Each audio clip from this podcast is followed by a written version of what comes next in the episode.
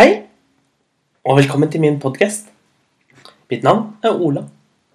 Jeg, jeg liker godt eventyr, og nå håper jeg at du sitter godt. For nå skal jeg fortelle dere et eventyr. I dag, i dag syns jeg vi skal reise langt. Vi reiser helt til Kina. Vi skal høre et eventyr som heter Musikeren. Det var en gang en musiker. Eller Det var vel egentlig ikke en musiker. For musikeren Han Han var så god til å skryte. Mye bedre til å skryte enn det han var til å spille instrumenter.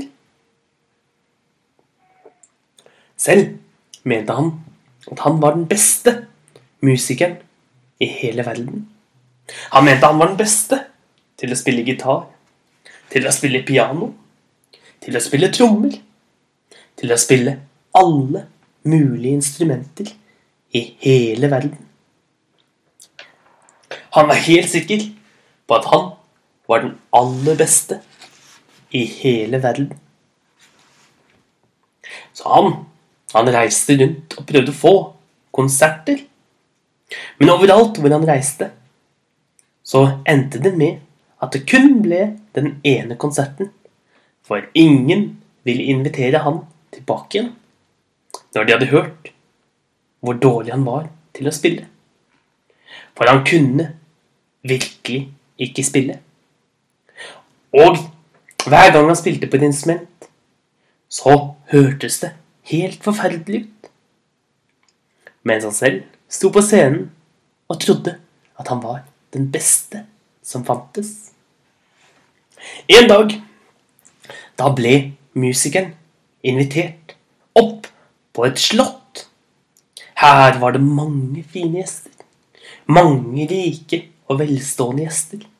Her var det kommet prinser og prinsesser fra ulike land, og det var kommet alle de fineste fra adelsfamiliene.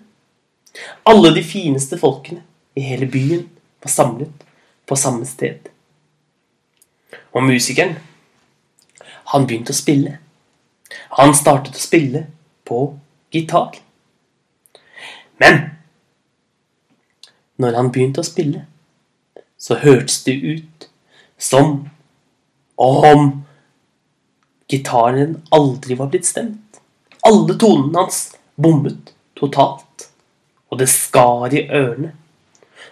Og alle som satt der, var altfor høflige til å holde seg for ørene. Men de satt der og holdt ut at han spilte, selv om de alle sammen begynte å få vondt i hodet sitt. Og det varte, og det varte, og det varte. Så reiste musikeren seg og fikk øye på gulltrompeten som hang høyt oppe på veggen. Og han sa at han, han var den beste trompetisten i hele verden. Ingen kunne spille trompet like bra som han. Han var minst like god som det han var til å spille gitar. Og alle de fine folkene, alle prinsene og prinsessene, var altfor høflige til å si han imot. Så musikeren reiste seg og sa til en av tjenerne at de måtte hente stigen og hente ned gulltrompeten. Så skulle de alle få høre toner de aldri før hadde hørt. Og snart så kom det en høy, høy stige med tre tjenere. De klatret opp og hentet ned gulltrompeten. Musikeren gledet seg. Alle de andre, de gruet seg.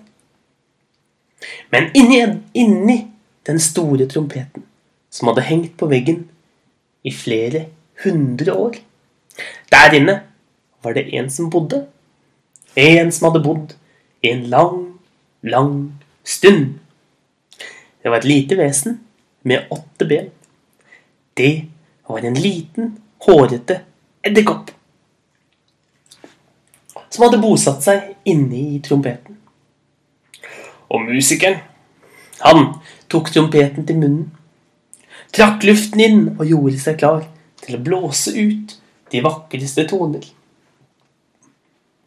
Men når han blåste inn, da ble den stakkars lille edderkoppen trukket inn i munnen og ned i halsen på musikeren. Og edderkopper, når de blir overrasket og skremte, da trekker de bena sammen og blir som en liten ball. Men når edderkoppen ikke var redd lenger, da gikk den rett ut med alle bena sine. Og dermed ble den sittende fast, alle bakerst i halsen på musikeren.